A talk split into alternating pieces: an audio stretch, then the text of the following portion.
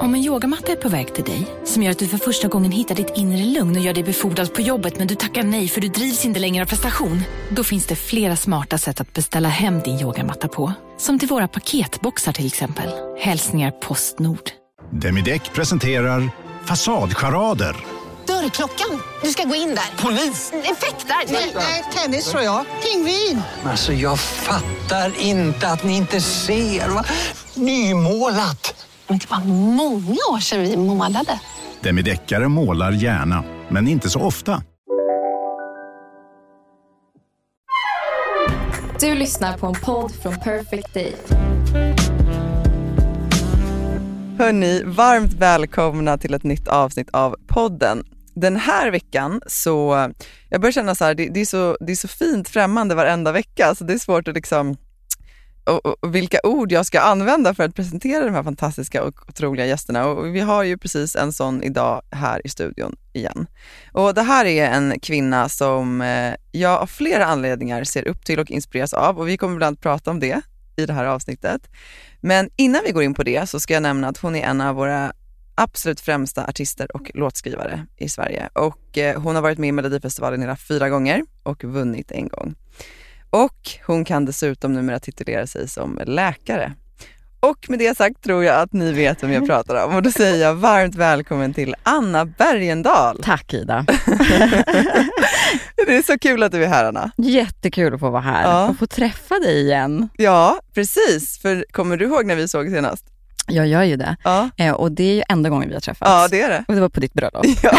Du visste inte att jag skulle komma. Nej, jag visste inte det. Och jag kraschade sen också festen. Ja, underbart. Nej men alltså Anna, för det här är ju så här, det är en av the highlights of my life. Alltså, ja, för att eh, min svåger Marcus då, ni känner ju varandra. Mm. Eh, och jag hade ju frågat om han kunde sjunga på vårt bröllop och då hade han ju sagt att det gjorde han så gärna. Och så hade vi bollat lite låtar sådär. Och så hade jag sagt att det vore så himla fint om du ville sjunga den här Dusk to Dawn. Vad heter de som egentligen har gjort Jag minns den? inte Nej, vad de heter. heller. Ah. Zayn eller någonting. Ja, skitsamma. ja, just det. Just det. mm. Mm.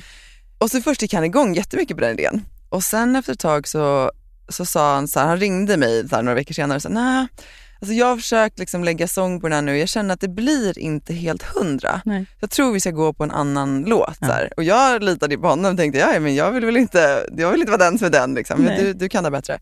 Så då sa jag bara okej till det. Eh, så det var inte mer med det. Men det som hände då var att, för han var ju också bestman, Ja. Eh, och han höll ju, tror jag, festens sista tal, jag för mig, mina sista tal. Eh, och i slutet av talet så säger han så här, jo också jag har ju en, en, eh, en gåva som jag vill ge. Ja. Och då kommer du och din kille fram Ja. bakom ett hörn. och så sjunger ni då den här låten tillsammans. Mm. Och det var ju bara helt otroligt. Ja, men vad kul. Alltså, jag minns det väldigt väl. Eh, för ni var en sån otroligt eh, peppig och uppskattande publik. alltså både ni som brudpar och sen alla bröllopsgäster. Jag minns att ni typ så stampade i golvet Ja. till och det var ju i, i sån häftig lokal. Och, eh, det var skitkul. Ja, den gamla ladan. Nej men det var så, det var så fint. Mm. Eh, också, ja, men bara den du vet när man inte har förväntat sig det. Det Nej. blir liksom många nivåer. Sen att ni var kvar och festade, det var ju också bara helt underbart.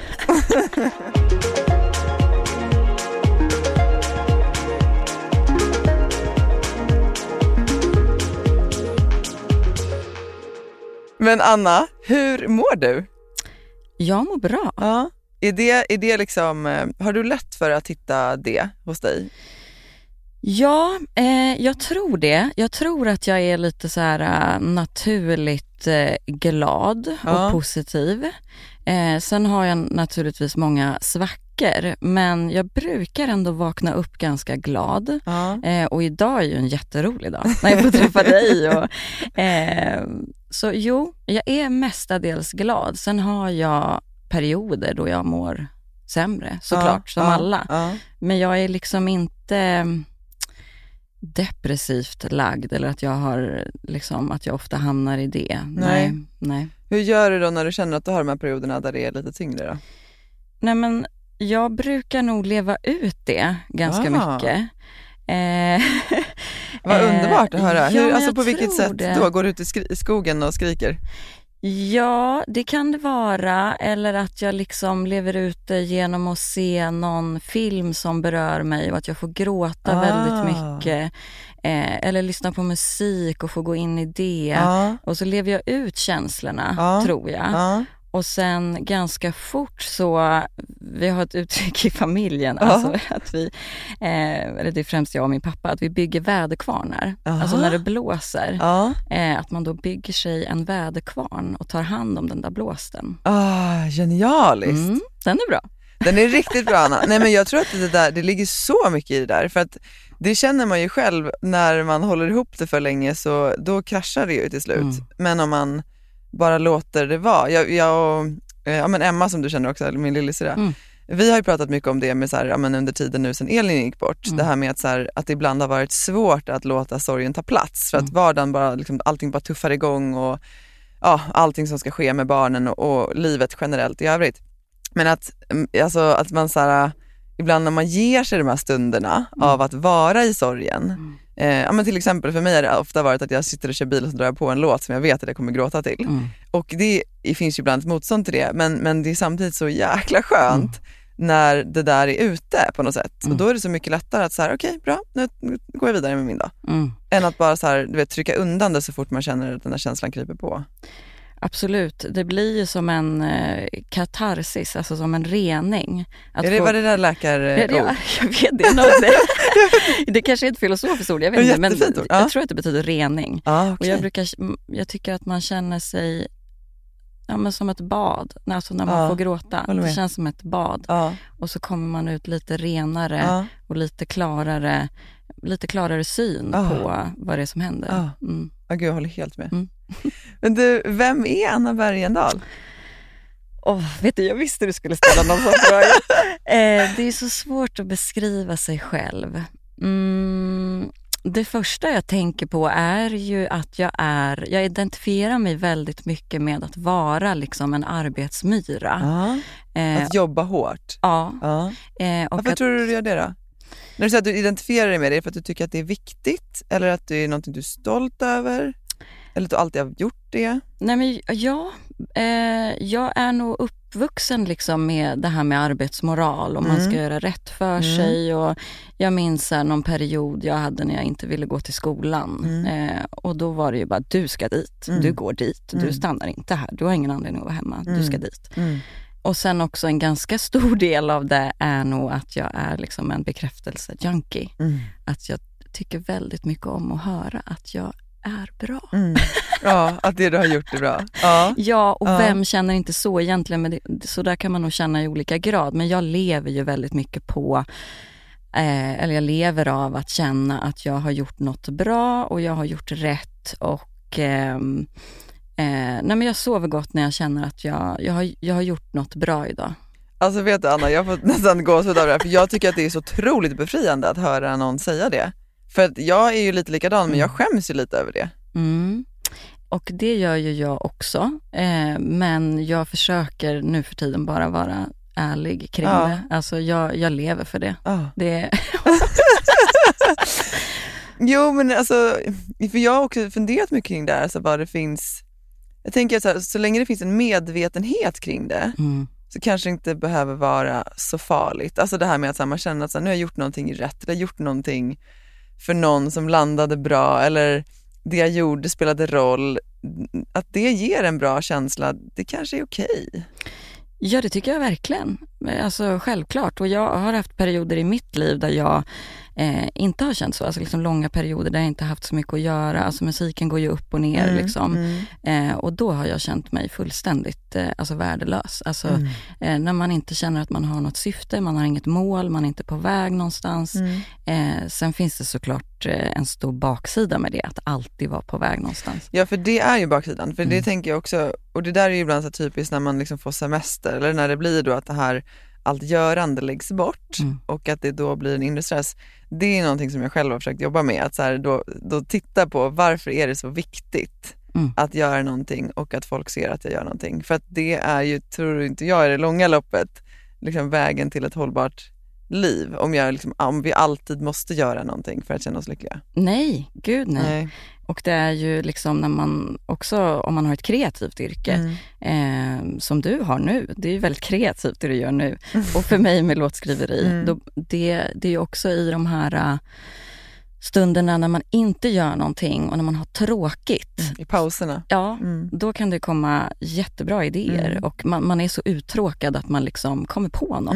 Mm. Mm, det är väldigt sant. Mm. Så Anna är alltså en arbetsmyra. ja, det är jag. Eh, vad är jag mer? Jag hoppas att jag är en eh, bra vän. Mm. I perioder så kan jag märka liksom att, nu, att liksom många av mina vänner ringer till mig eh, när de har jobbigt på Mm. ett eller annat sätt. Och då blir jag så himla glad Mm. och rörd när jag liksom lägger på och bara, men de ringde mig eh, för att berätta om det här eller för att fråga vad jag tycker, vad ska, vad ska de göra?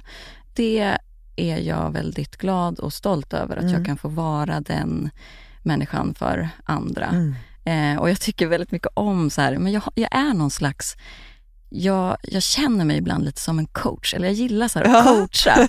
Eh, jag, tror- jag är inte så bra på att coacha mig själv, men det är ju lätt liksom. jag tycker det är mycket lättare att coacha någon annan. Ja, det är ju det. Det är mycket lättare att ge andra goda råd än en själv. Så är det. Eller man kan ju säga dem till sig själv, men det är svårt att följa dem. Ja. Det är väl det som är grejen. Men du, vad, vad gör dig lycklig då, Anna? Eh, jag blir ju väldigt lycklig av musiken. Vad är det i musiken som gör dig lycklig? Men dels låtskriveriet i sig. Mm. Eh, det är en väldigt häftig process där man går från absolut ingenting Mm. till att man har någonting Mm. som förhoppningsvis berör eller Mm. kan eh, ge andra människor eh, eh, ja, men njutning Mm. egentligen. Det är ju en väldigt häftig process. Och sen, nej men jag tycker musik är magiskt. Jag tycker att det gör någonting med oss som inte går att beskriva. Mm. Alltså som du säger, du sätter på den där låten Mm. och så kommer bara allting över dig. Mm. Eh, det finns ju en magisk kraft där, Mm. så är det. Det finns ju verkligen det. Tror du att, liksom, tror du att musiken skulle kunna hjälpa oss mer än vad den gör? Alltså jag tänker att så här, det, det, har den, jag, jag tycker ibland, och det här är också intressant för du är ju liksom läkare, jag är ju mer flummig när det kommer till de här delarna, men, men, men eh, jag kan ju ibland säga så här, men gud, det, det känns som att det borde finnas liksom saker som verkligen skulle kunna hjälpa vår hälsa eh, när det kommer till musik. Om man hade liksom använt det på, på ett sånt sätt. Jag vet inte, vad, vad, är din, vad är din take på det? Jag vet att det finns vissa så här, eh, liksom, små studier där man har sett liksom, viss påverkan på, men kanske framförallt liksom, sinnesstämning och sådana saker. Mm. Minne och sånt. Jo, men det har jag också hört, att man liksom, om man sjunger i kör till exempel, att det frisätts massa sådana endorfiner, Mm. så feel good-hormoner. Eh, Så det är väl en grej. Sen, har, sen och jag är inte så jävla insatt i det där, men eh, jag vet ju vid demenssjukdom till exempel så kan det ju vara så att eh, liksom, musikminnet Mm. är intakt. Eh, Mm. De kan vara helt liksom, eh, mutistiska som det heter, att de inte Mm. kan prata, Mm. de kan inte kommunicera, de minns ingenting. Mm. Eh, och så är personen för detta, eller liksom är pianist och så sätter man personen vid ett piano och så, och så kan den liksom Ah. alla låtar. Oh, wow. Det tror jag kan vara väldigt terapeutiskt, att Ja. de kan få en stund av att de känner igen någonting. Ja. Eh, så det skulle man nog absolut kunna använda mycket mer i vården. Mm, Nej, för det händer ju onekligen någonting med en när man lyssnar på musik. absolut. Ja. Jag, jag, jag har försökt tänka på det, jag kommer inte ihåg om jag pratade med dig om, men så här, vad vore ett liv utan musik? Alltså det vore, så, det vore som att liksom leva i svartvitt på något sätt. Mm. Absolut. Eh, och jag tänker också på, så här, vi har ju många, men Céline Dion till exempel, som inte Mm. kan sjunga nu. Ehm, Det var min absolut största barndomsidol. ja, min med. Älskade henne. Min med. Ja. Och hon, det är så häftigt, alltså, när hon pratar om det här, liksom, singing is all I, I know, it's Ja. all I've ever known. Och Ja. Hon, hon får inte göra det nu. Nej. Då får jag också mig en tankeställare Ja. att det är, eh, det är en gåva att Ja. ha musiken. Ja. Det är en gåva att kunna sjunga. Ja, Ehm, verkligen. Så. Önskar jag kunde det. men du, ehm, jag pratade lite kort om det bara initialt, men när jag nämnde att du inspirerar mig på väldigt många olika plan. Ehm, jag tror att, ja, men, som, som vi redan nu har, liksom, har berört, du, du är artist och, och jobbar som låtskrivare eh, och du är nu läkare. Och för mig så finns det, alltså det finns någonting liksom en, en väldigt stark underliggande symbolik i det som, som, som säger så otroligt mycket som jag tycker är så sjukt viktig. Ehm, och för mig handlar det om ja, men det här med att du har liksom gett dig själv tillåtelse att också verka flerdimensionellt på så sätt som du också känner att du som människa är. Mm. Och det tycker jag är så otroligt inspirerande. Och jag har väl också känt att det är någonstans det jag också försöker och vill göra, att liksom ge sig själv tillåtelse till att, till att man inte bara måste tillhöra en box. Och jag tror att det finns så många människor som kanske egentligen skulle vilja testa på fler saker eller våga ta upp den där hobbyn eller det där gamla intresset men att man, man är ganska låst i liksom vem man är eller vad man nu har valt för bana. Så jag tycker att det finns någonting så otroligt viktigt i att du bara gör det utan att liksom be om ursäkt för det eller alltså, du, du bara gör det för att du vill det. Eh, och det tycker jag är så himla fint på något sätt. Mm. Har det varit självklart för dig att liksom pursue läkarlinjen trots alla framgångar inom musiken? Eh, ja, eh, det har det varit. Jag har eh, sen jag var väldigt liten velat bli både läkare och artist. Mm. Och sen, jag tänker så här, jag är liksom otroligt privilegierad. Jag är född liksom i en familj där det finns eh, ja, men tillräckligt med pengar. Det är, de, mina föräldrar är akademiker. Mm. Eh, jag bor i ett välfärdsland Mm. där man får hur många chanser som helst att Mm. liksom, eh, ta sig dit man vill. Mm. Och, och jag är men lite så här silversked i hand, jag, Mm. är jag född med på det sättet. Och då, ser, då har jag, kan jag ibland se det som min skyldighet att eh, eh, göra allt det jag kan med det jag har fått. Eh, för det är få förunnat att liksom ha den, eh, de förutsättningar som jag har. Denna vecka är vi sponsrade av Hello Fresh. Hello Fresh. Men vi har ju en jätteklurig kod till er idag, eller hur? Ja, alltså den är ju den är ju superbra men den är lite svår att säga. Det är Ja. bara det. Säg den. Vi säger den flera gånger. Flash, sys. Hur stavar man det då? Då, då har vi eh, Flash först. F-L-A-S-H S-Y-S. Flash, sys. Bra, nu kommer ni ihåg det, ni kommer inte glömma Nej. det. Och vad gör ju egentligen den här koden för er då? Jo, den ger er inne på hellofresh.se upp till 1449 kronor i rabatt på dina fem första kassar. Och eh, varför gillar vi Hello Fresh då? Nej, men jag gillar så mycket Mellofresh, men, men om jag får bara någonting kort så älskar jag liksom variationen. Eh, och jag älskar också hur det liksom här hjälper till med faktiskt att man kan ta liksom lite fler hållbara steg. Alltså det blir mindre matsvinn. Man kan också när man så här väljer sin meny, har du sett det? Att man kan då så välja också hur mycket Ja. liksom, utsläpp, eh, CO2-utsläpp som liksom respektive eh, maträtt bidrar till och så vidare. Så man kan ju liksom man kan se sin reella påverkan. På hellofresh.se så kan man använda koden FLASHSYS och få upp till då som Ida sa eh, 1449 kronor i rabatt på de fem första kassarna om man inte har provat HelloFresh ännu. Eh, och man får också fri frakt på den första matkassen. Eh, nice. Men alltså du kan också använda koden om man har varit kund tidigare men har avslutat abonnemangen för över 12 månader sedan eller längre. Eh, så kan man bli kund igen helt enkelt. Ja, det kan man verkligen bli. Och eh, hörni, det här eh, fina erbjudandet gäller till den 27 maj, så det är under en begränsad tid, så passa på. Tusen tack HelloFresh! Tack! Men vi går tillbaka lite, för att jag är ju nyfiken liksom på hur allt det här startade. Jag, jag har ju förstått, och det säger du nu också, att såklart musiken är ju, och blir också väldigt tydligt för mig nu när du säger att det, men det är en sån sak som gör dig lycklig. Mm. Hur, liksom, kommer du ihåg när du fann musiken, när du hittade den? Ja, det minns jag ju väldigt väl. Eh, alltså de, min familj säger att jag liksom alltid har eh, sjungit, men mitt första minne eh, är när min syster spelar en Tracy Chapman-låt. kommer du ihåg vilken det var? Ja, det måste ha varit Fast Car Ja, eller Talking about var det, ja. You get a fast car. I want a ticket to anywhere. Maybe we make a deal. Maybe together we can get somewhere. Och jag alltså verkligen tappade hakan. Jag fattade inte vad det var jag hörde. Jag fattade inte vad det var jag kände. Jag kanske var sex år eller Ja, någonting. ja. Eh, och fick såna, s- alltså enorma, ett sånt enormt känslopåslag och var helt, eh, alltså för, jag blev förtrollad Wow. av henne. Ja. Eh, och jag hade väldigt mycket känslor som liten. Alltså jag var liksom som, eh, jag, jag var ett väldigt märkligt barn på det sättet och lite så här lillgammal. Du var en väderkvarn redan då? Ja. Nej men det minns jag ju, alltså att, och så skulle jag lyssna på det där om och om och om igen.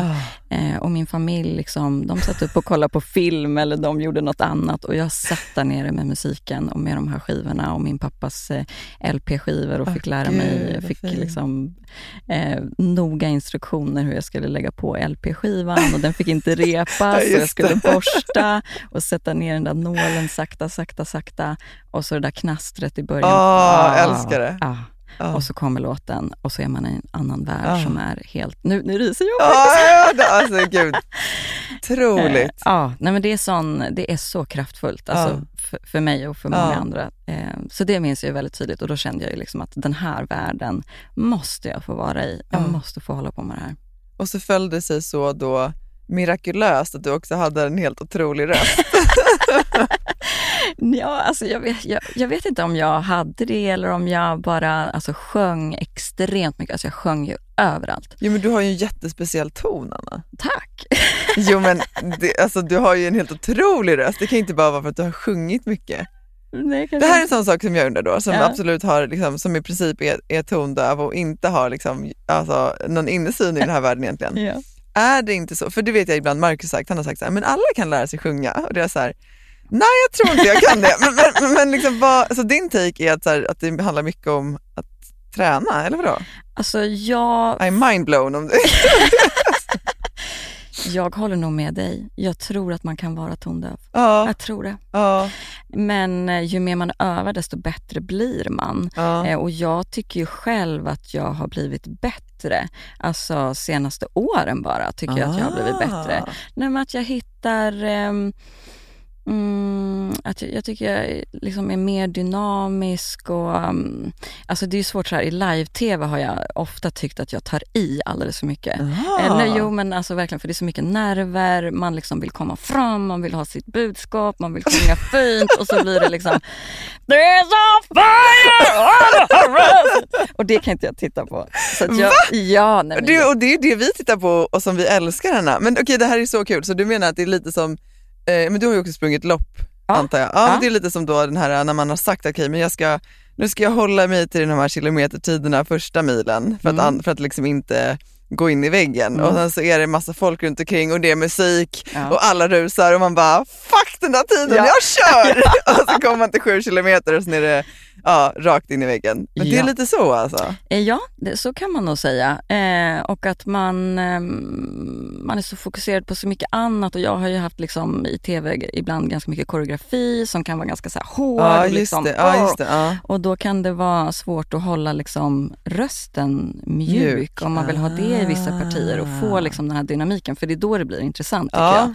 När det finns en dynamik i musiken. Så det, det tycker jag att jag har blivit bättre på. Ja men Oj, ja. spännande. Ja. och, ja, men det är så kul för att man tänker själv att så här, ja, jag vet inte, jag, eller man, jag, jag tror bara att så här, jag, jag har bara tänkt att så här, okej antingen kan man sjunga eller så kan man inte det. Kan man det då bara ställer man sig där och sjunger och då är det klappat och klart. Ja. Nej, men vet, det var någon som sa till min kille, någon lärare, för han är också musiker, Ja. någon lärare till honom att talang har man till man är 18 år, resten är hårt arbete. Ah. Och det har jag också märkt att så här, men så här, i början av min karriär så liksom, folk var liksom så här, Åh, helt otroligt, hur kan du, bla bla bla. Och sen liksom någonstans där 18-20 så var det så här, ja, nej, du kan sjunga. Det, ja. Men då får man inte höra det lika mycket längre heller. Nej. Eh, att någon tycker att man är bra. För Nej. att det är liksom, nej jag vet inte. Det, det, jag kan hålla med lite om det också. Att liksom, sen blir det hårt arbete i Ja, musikbranschen. ja, så är det ju. Det är en tuff bransch.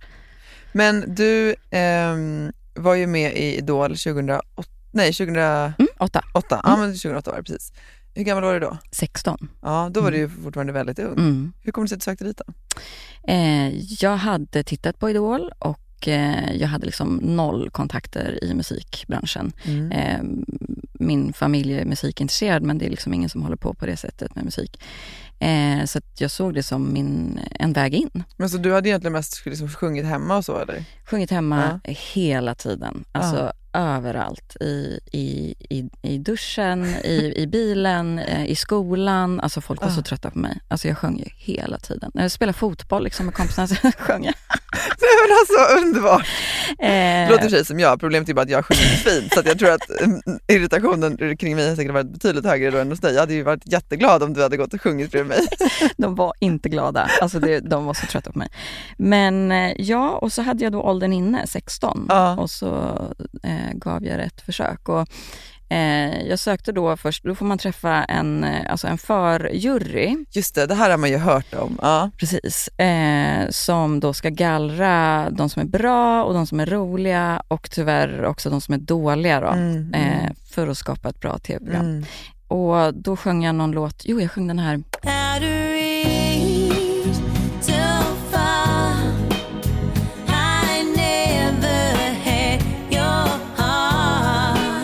Minns du den? Ja, från, den spelas ju i... eh, Är det Bridget, Bridget Jones? Jones. Just det, just Ja. det. Ja. Eh, och eh, bara sjöng den rakt upp och ner och då sa de nej. Eh, de tyckte inte, de sa någonting så här, "Ja, men du sjunger bra men det räcker inte för Idol. Eh, och jag hade ju sådana stora, stora, stora drömmar. Eh, det här var ju allt jag ville.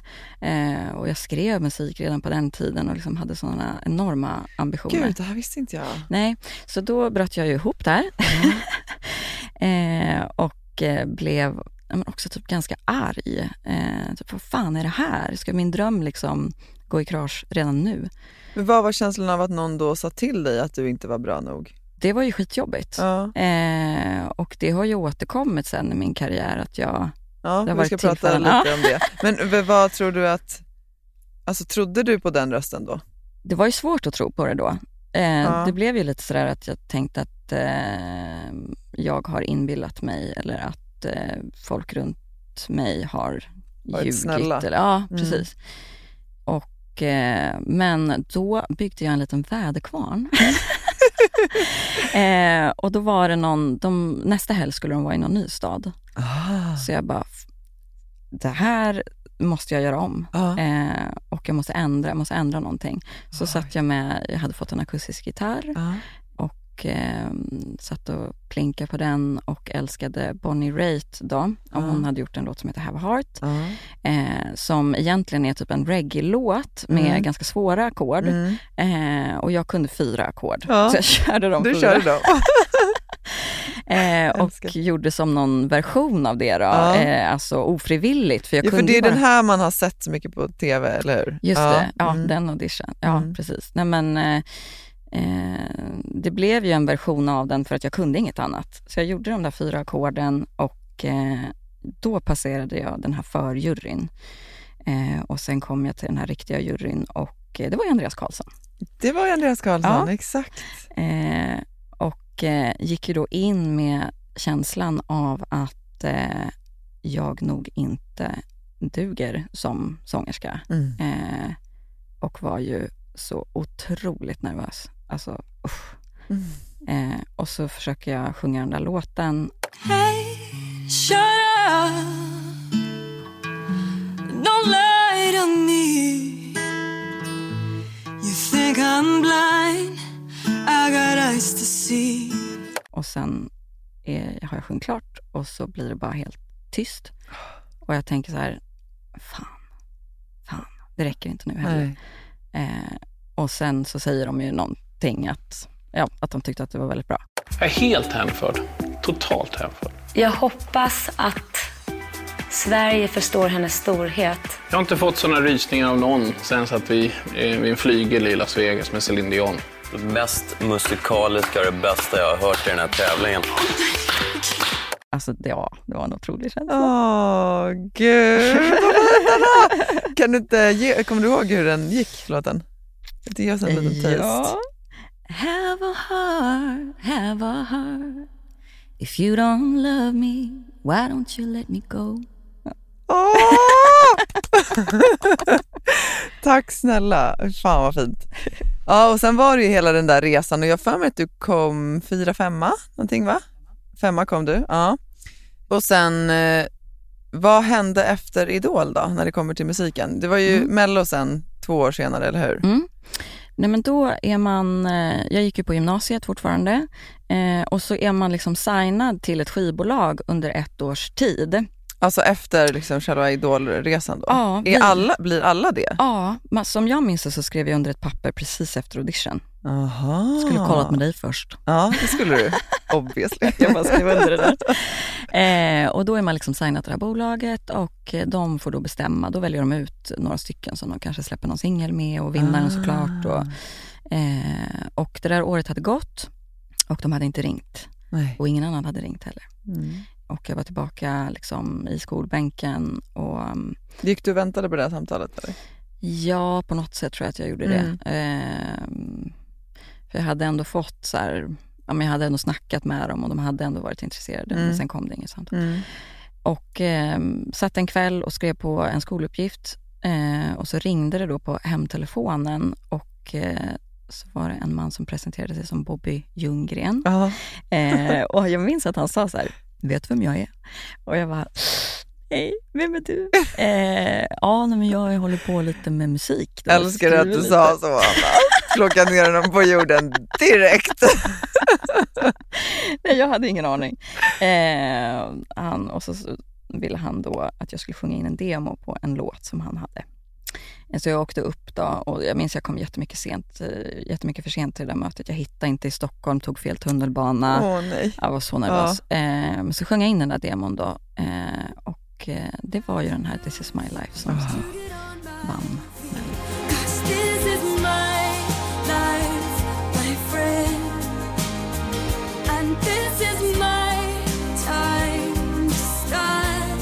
Och jag kommer ihåg att jag tyckte den var så fin. Alltså det, ja, men det var också någonting med, visst hade du typ så Converse på dig? Ja. ja det var liksom allt, det var bara så rent på något sätt. Tack. Det var du där och alltså nej men det var så fint.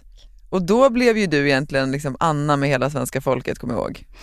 Ja, nej men det var nog då som, Ja. som folk liksom verkligen började känna till mig. Tog dig till sina hjärtan. Ja, nej verkligen. Och för hur var det sen då? För sen så var du ju med i Eurovision och jag kommer, det är därför var det intressant att fråga, prata med dig om det här och, och du kanske är trött på att prata om det här men jag minns ju att eh, jag älskade din låt, jag tyckte så mycket om dig eh, och var så stolt över att du var den som vi skickade till Eurovision.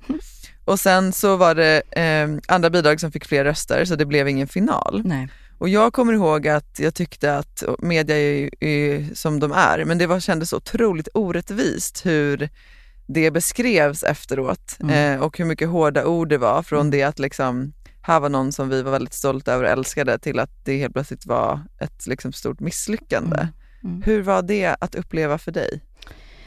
Ja, det var ju skitjobbigt. Eh, jag läste ju ingenting av det där. Eh, Nej, men jag har fått höra i efterhand eh, att det var väldigt hårda ord. Mm.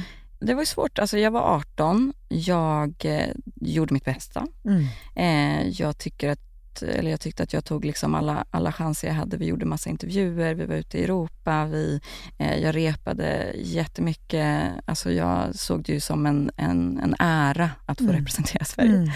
Mm. Eh, och eh, Sverige hade ju alltid tidigare tagit sig till final. Mm. Eh, så bara av den anledningen så tänkte jag att nej, men vi, det, kommer, det kommer gå. Mm. Eh, och så skulle de säga då sista landet som skulle gå vidare i semifinalen och så var det något annat land. Och jag låg ju liksom inte i botten utan jag, jag låg ju precis innan vad jag minns. Mm.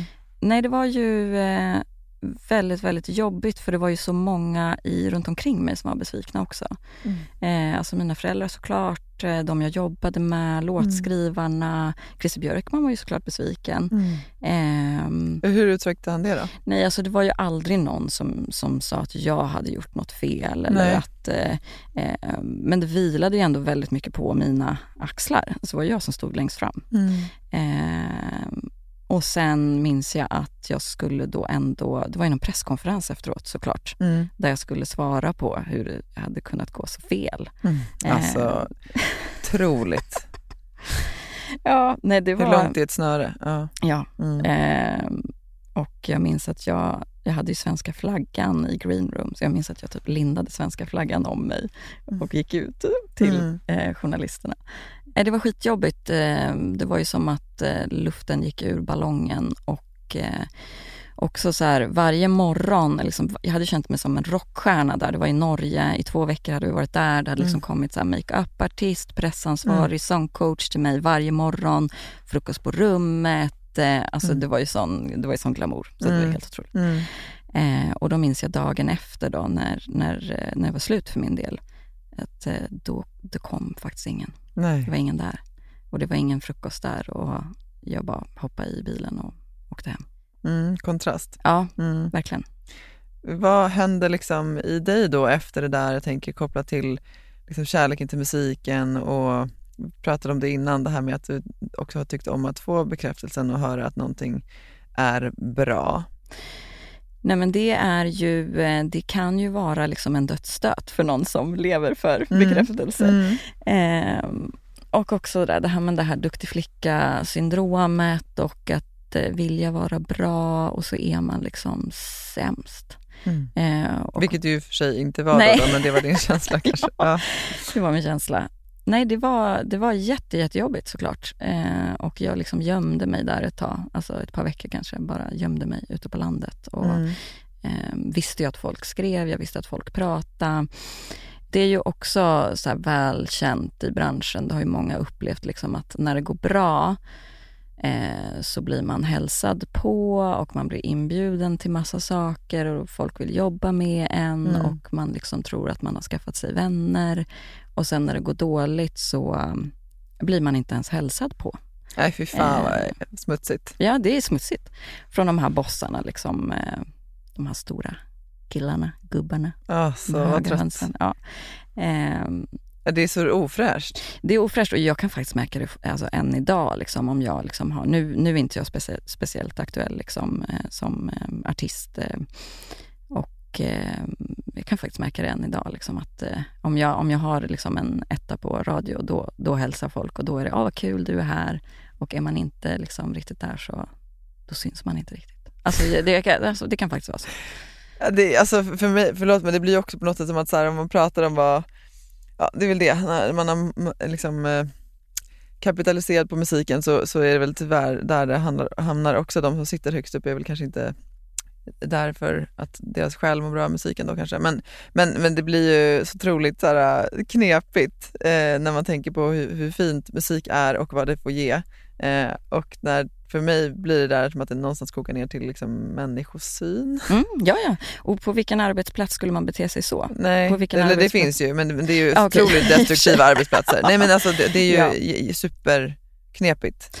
Ja, nej men visst. Och sen ska jag ändå bara poängtera att de som är liksom närmst mig i Mm. mitt team, jag har jobbat på samma, alltså med samma personer i snart eh, ja, men 13-14 år. Mm. De Gud, har ju, fint. Ja, det, det är Ja. jättefint och det känns helt fantastiskt för mig. De har ju aldrig tappat tron på mig. men det är ju ditt team. Det är mitt team, Ja. ja. Men precis. Eh, och de har ju aldrig släppt mig. Hur Nej. dåligt den har gått så har de bara, mm, men nu släpper vi det och så går du in i studion och så skriver du skitbra musik och Ja. sen så tar vi nya tag. Ja. Eh, så det är jag ju så otroligt tacksam för. Framförallt eh, Maria Molin Ljunggren som är min liksom, chef, min manager som Ah. alltid har funnits där och alltid har tänkt på nästa grej. Ja.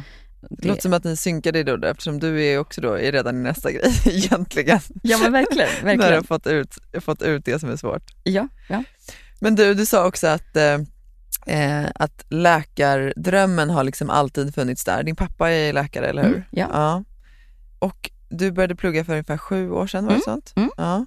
Och nu är du klar? Jag är klar. Ja. Mm. Vad är det du vill bli för läkare? Jag läste någonstans att du var narkosläkare som var drömmen från början. Är det fortfarande ambitionen eller?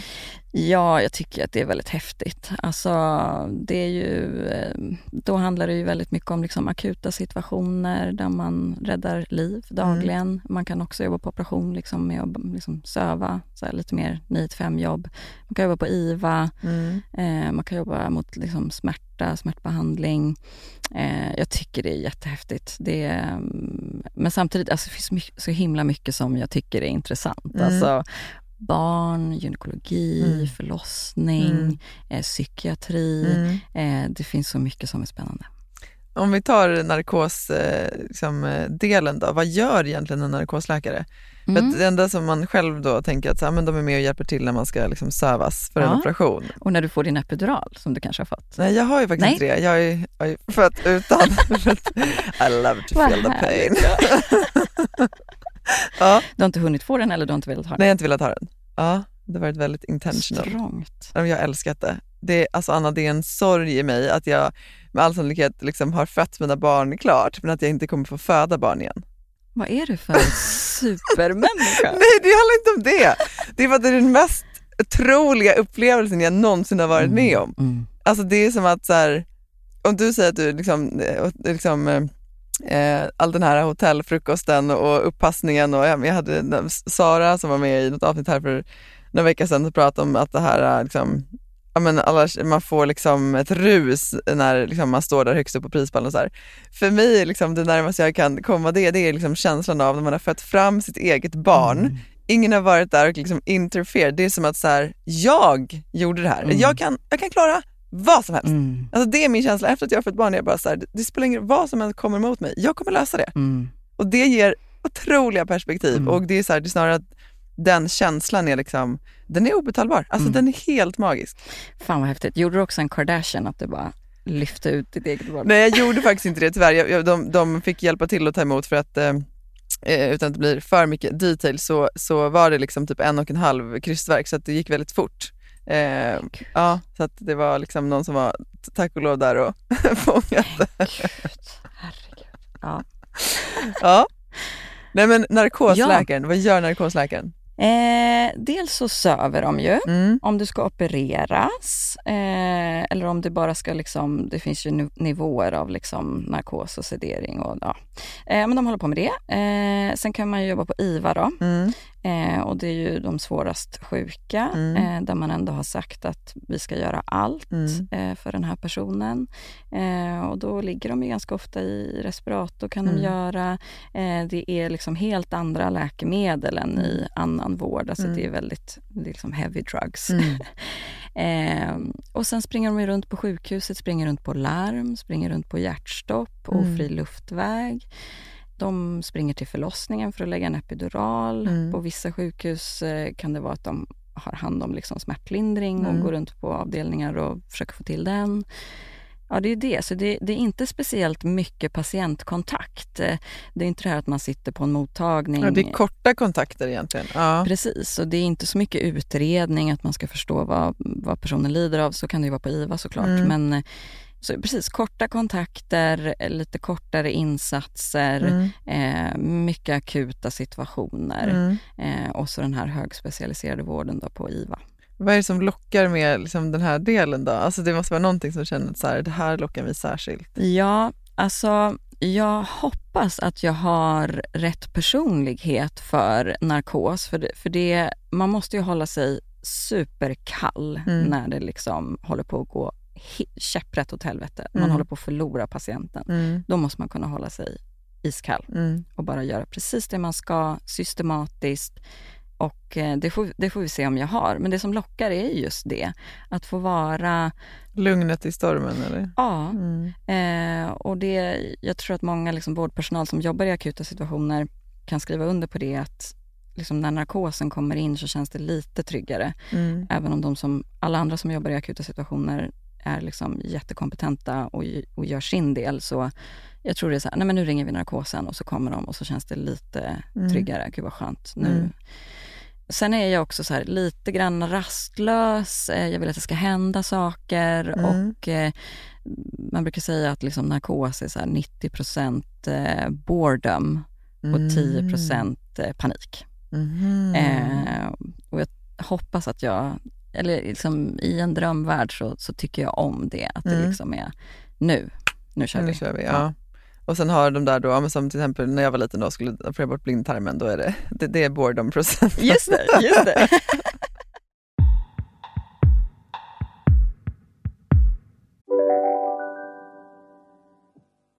Lyssna på en ekonomistas podcast om du vill lära dig mer om pengar och hur pengar påverkar ditt mående.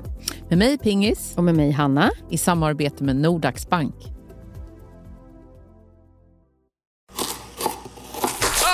Dåliga vibrationer är att skära av sig tummen i köket. Ja! Bra vibrationer är att du har en tumme till och kan scrolla vidare. Alla abonnemang för 20 kronor i månaden i fyra månader. Vimla! Mobiloperatören med bra vibrationer. Här sitter jag i en ljudstudio tillsammans med ett sjölejon för att berätta att McDonalds nu ger fina deals i sin app till alla som slänger sin takeaway förpackning på rätt ställe. Även om skräpet kommer från andra snabbmatsrestauranger, exempelvis Eller till exempel Ja, precis. Hur kommer det sig att du ville bli liksom läkare från första början då? Alltså var kommer den drömmen ifrån? Eh, men det är ju mycket min pappa. Ja. Eh, han har alltid kommit hem från jobbet helt så här upprymd, glad. Han har känt att han har gjort något bra. Mm. Ganska ofta har ju han liksom den dagen räddat något liv. Mm. Eh, så det inspirerades jag av eh, tidigt. Sen tycker jag att det är så jäkla intressant med människokroppen. Mm. Eh, jag kan inte förstå, alltså alla har ju en kropp. Mm. Eh, och jag kan inte förstå att man inte kan vara intresserad av vad som händer. Eh, alla har en njure, alla har en lever, alla Ja. har en hjärna. Och jag tycker det är så, det var ju fantastiskt att under liksom fem och ett halvt års eh, studier få gr- grotta ner sig i både liksom det stora och det lilla, lilla mikroskopiska liksom cellnivå. Ja, det är väldigt häftigt. Det är skithäftigt. Men ni, för, för under utbildningen så får ni också alltså, rent fysiskt gå in och liksom öppna upp i, och även döda till exempel. Ja, Mm. eh, på vissa universitet så är det obligatoriskt. Eh, Mm. På vårt, där jag pluggade i Örebro så hade de inte så mycket döda kroppar helt enkelt. Det, det, fanns, eh, det fanns liksom inte så mycket att tillgå så då var det liksom så frivilligt någon dag. Mm. Eh, och, och jag pendlade från Stockholm till Örebro alla de här åren. Mm. Eh, så just den dagen sa jag att nej, men det är frivilligt så att jag, jag går inte på det. Eh, men det kan man få göra. Vissa universitet har ju jättemycket sånt att man liksom Obduktions, ja. Ja, flera, flera dagar tror jag att de liksom får stå och dissekera. Och, och, och, Ja. Mm. Men så- såklart spännande också, men lite obehagligt. Eh, du säger att så här, det, var, det, kom lite, men, li- det, det kom delvis från din pappa. Mm. Vad tycker pappa om att du nu är färdig läkare? Det tycker han jättemycket om. Jag gör det. Sen är vi liksom väldigt olika. Han började som eh, sjuksyrra. Ah. Eh, eller han började redan som någon slags sån här, eh, ja vad hette det på den tiden? Eh, Vårdbiträde? Vårdbiträde kan Ja. det ha varit, ja. precis. Eh, på så Maria Pool och, och de lurade honom att eh, skura golvet så var det ett jordgolv. Alltså det här är typ på 70-talet. Va? Eh, men så han, så han började ju där och sen steg för steg och sen han hade blivit eh, sjuksköterska och så här, anestesisjuksköterska så insåg han Och att vad, vad är det för något? Ja, det är ju då en specialistsjuksköterska som håller på med narkos. Ah, okay. mm. Eh, så var det, men han liksom, han hade massa idéer. Så här, varför gör vi inte så här? Varför gör, vi inte, varför gör du inte så till läkaren? Och då var det någon läkare som sa, du, om du tycker att du kan det här så jävla bra, då tycker jag att du ska bli läkare. Och så sökte han in. Och så. Aj, vad roligt. Ja. Eh, nej, så han känner ju till vården utan och innan och har jobbat liksom hela sitt liv i flera olika positioner. Och, eh, varit så väldigt självsäker Mm. eh, och man. Mm. Eh, så att han har egentligen, tror jag, tyckt att nästan varje dag har varit skitkul. För han Mm. går in med sånt enormt självförtroende och Mm. bara, det här fixar jag. Klart jag Mm. fixar den här luftvägen, vad tror Mm. du? Mm. Och jag har ju inte det. Jag har inte det självförtroendet utan jag second-guessar mig själv jättemycket. Kan jag det här? Förstår Mm. jag det här? Är det här rätt beslut? Har Mm. jag missat någonting? Jag går väldigt många fler omvägar än han. Men tror inte du att det också handlar om erfarenheten?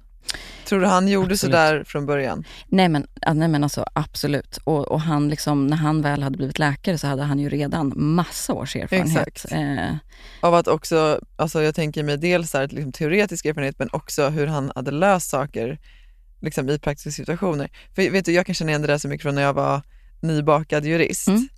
Alltså om något kändes det bara som att man kunde ingenting. Mm. Alltså, det, var- det var liksom den känslan man gick omkring med hela tiden, så här, gud när ska någon avslöja mig? Mm.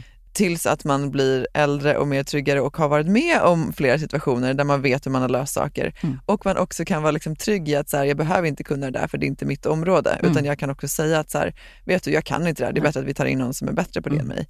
Men det är ju skitsvårt i början Mm. för att man har också har alla de här åren utbildning i bagaget och så här, nu, nu kommer man ut och nu ska man kunna det. Men om man ska vara helt uppriktig så kan man kanske inte kunna det från början. nej, nej, alltså verkligen, så är det ju. Och det finns ju någon sån här jag vet inte, jag minns inte vad modellen heter, men att man, för det minns jag i början på läkarprogrammet, så här, år två typ, Mm. jag bara "Uff, shit vad jag kan. Ja, jag vet. Alltså hur svårt, det här var inte så svårt.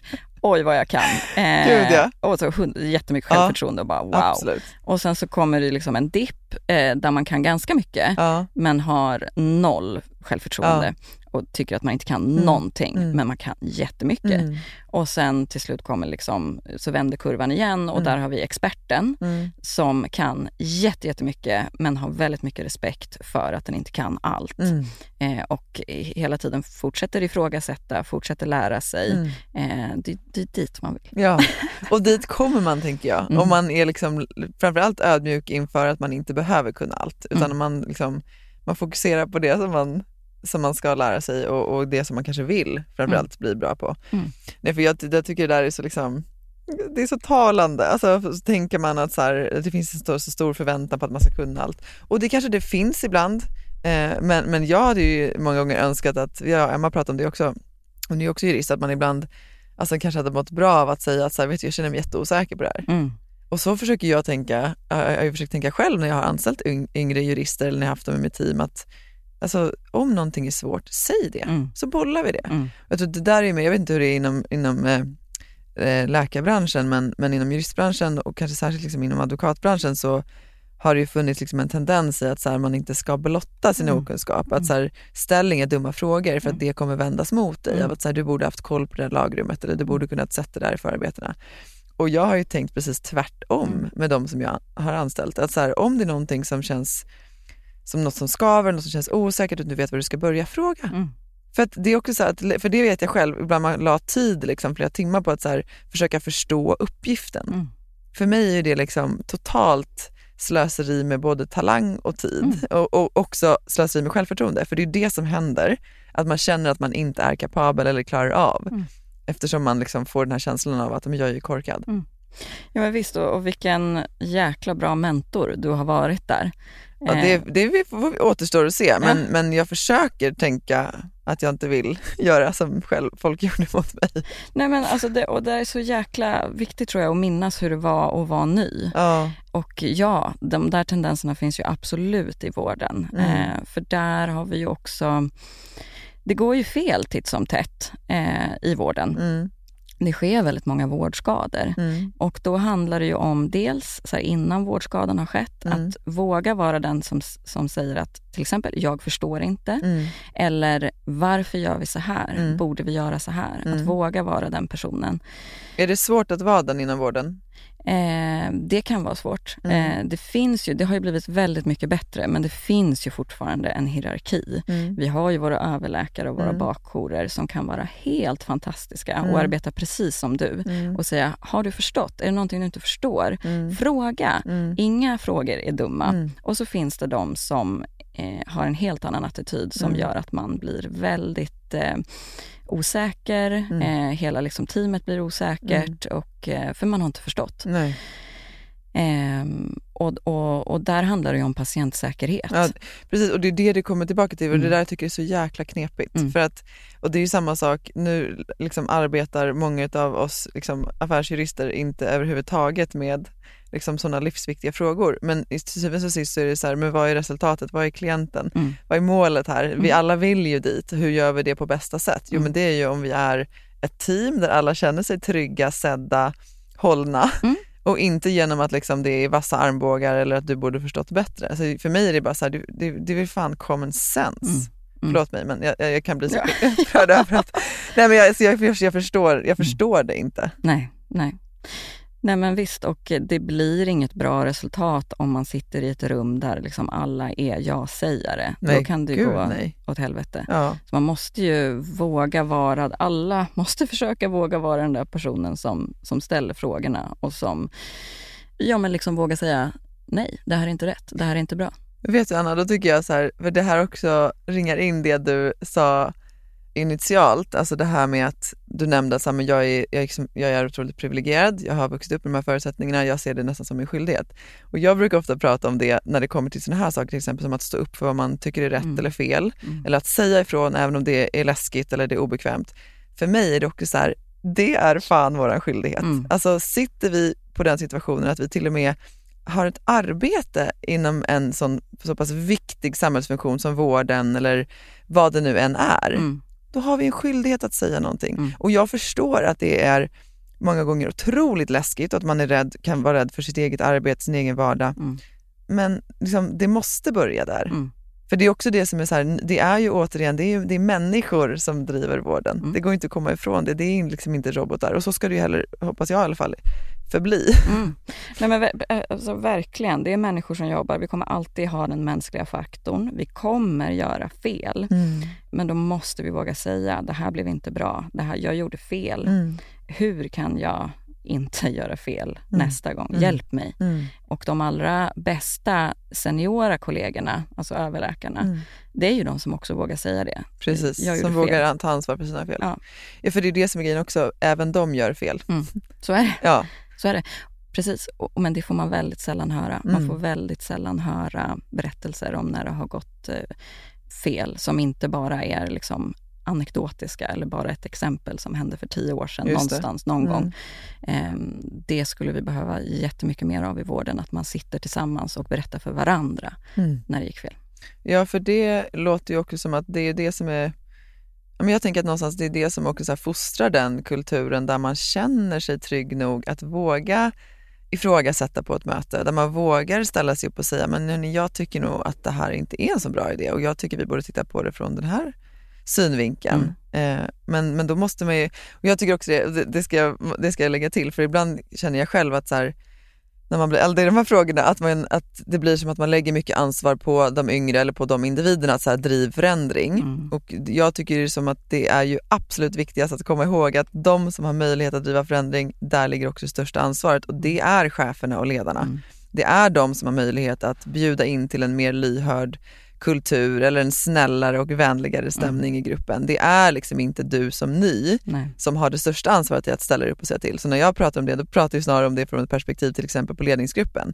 Sitter du i en ledningsgrupp och känner att så här, ah, det här är kanske ett halvbra beslut, eh, men alla andra håller med och du inte gör det, ställ dig upp och säg det. Mm. Det är din skyldighet. Mm. Mm. För att det är också det som, liksom, det, det, det påverkar ju alla som kommer efter och under. Mm. Eh, och Mm. det är ju inte deras ansvar att, att driva den förändringen i första hand, utan det är faktiskt ditt. Mm. Mm. Anna, vad drömmer du om för framtiden? Hmm. Alltså nu har jag ju uppnått väldigt mycket av det jag har drömt om. Men, Gud, så härligt. Eh, jag drömmer om eh, att ta mig vidare som läkare. Jag har börjat sån här AT nu, Mm. allmän tjänstgöring. Eh, lära mig mer. Eh, ta mig framåt där, till slut bli specialist. Mm. Den här Eh, experten. Den där Ja. experten. eh, och så drömmer jag om att få släppa mycket mer musik och få hålla på jättemycket med det tillsammans med mina fantastiska kollegor. Ehm, Gud vad, vad, det gör mig glad att få höra att de här parallella drömmarna fortfarande ska få finnas. Att det inte ska bli ett antingen eller. nej, ehm, jag, skulle, jag, jag skulle verkligen inte kunna släppa någon av dem. Nej. Och det finns ju många läkare alltså, som håller på med annat. Anders Hansen till exempel, författare, tv-personlighet. ehm, ehm, ja, men det finns många som håller på med annat. Så, att, Mm. och, och, så jag tänker att det ska, det ska jag också kunna göra. Självklart ska du kunna göra det. Eh, Anna, det eh, känns så himla... Vilken härlig stund det blev. Verkligen? Ida, verkligen. Och jag, jag brukar ju alltid, vi brukar ju avsluta med en låt, men nu kommer jag vara så fräck och fråga om inte du kan avsluta med en låt den här gången. Vad vill du höra då Ida? Vad vill du sjunga Anna? Eh, nej, men då ska vi få höra en Anna Bergendahl-låt. Oh. Eh, nej men gud, det här är så cringe Ida. Nej Varför det är inte det cringe. Det är så fint Anna, det är så fint. Och jag kommer filma dig samtidigt. gör det, Ja. gör det. Forever I let the light in. Put a price on my head, keep fighting for the lonely ones. My kingdom come and on and on and on. Forever I'll keep on singing. And this time maybe I'll be winning for the lonely ones. And I swear I'm holding on till kingdom come, my kingdom come. Ja! Gåshud! Alltså du är ju den mest underbara publiken. Anna, det är bäst! Så fint!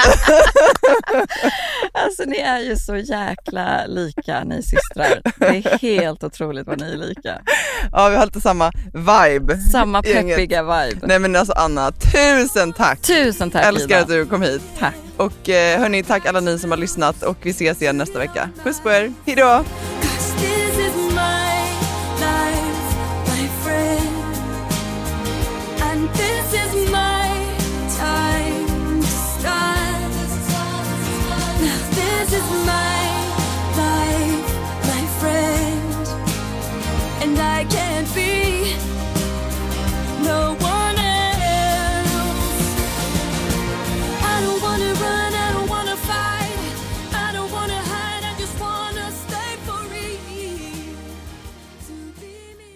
Den här podcasten är producerad av Perfect Day Media.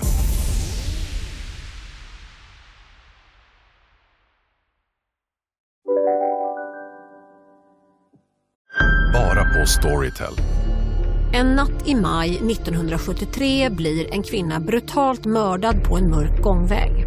Lyssna på första delen i min nya ljudserie. Hennes sista steg av mig, Denise Rubberg. Inspirerad av verkliga händelser.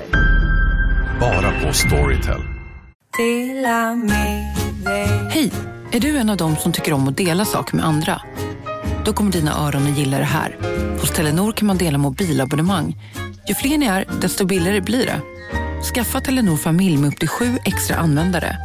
Välkommen till någon av Telenors butiker eller telenor.se. ska några små tassar flytta in hos dig. Hos Trygg Hansa får din valp eller kattunge 25% rabatt på försäkringen första året. Läs mer och teckna djurförsäkringen på trygghansa.se. Trygg Hansa, trygghet för livet.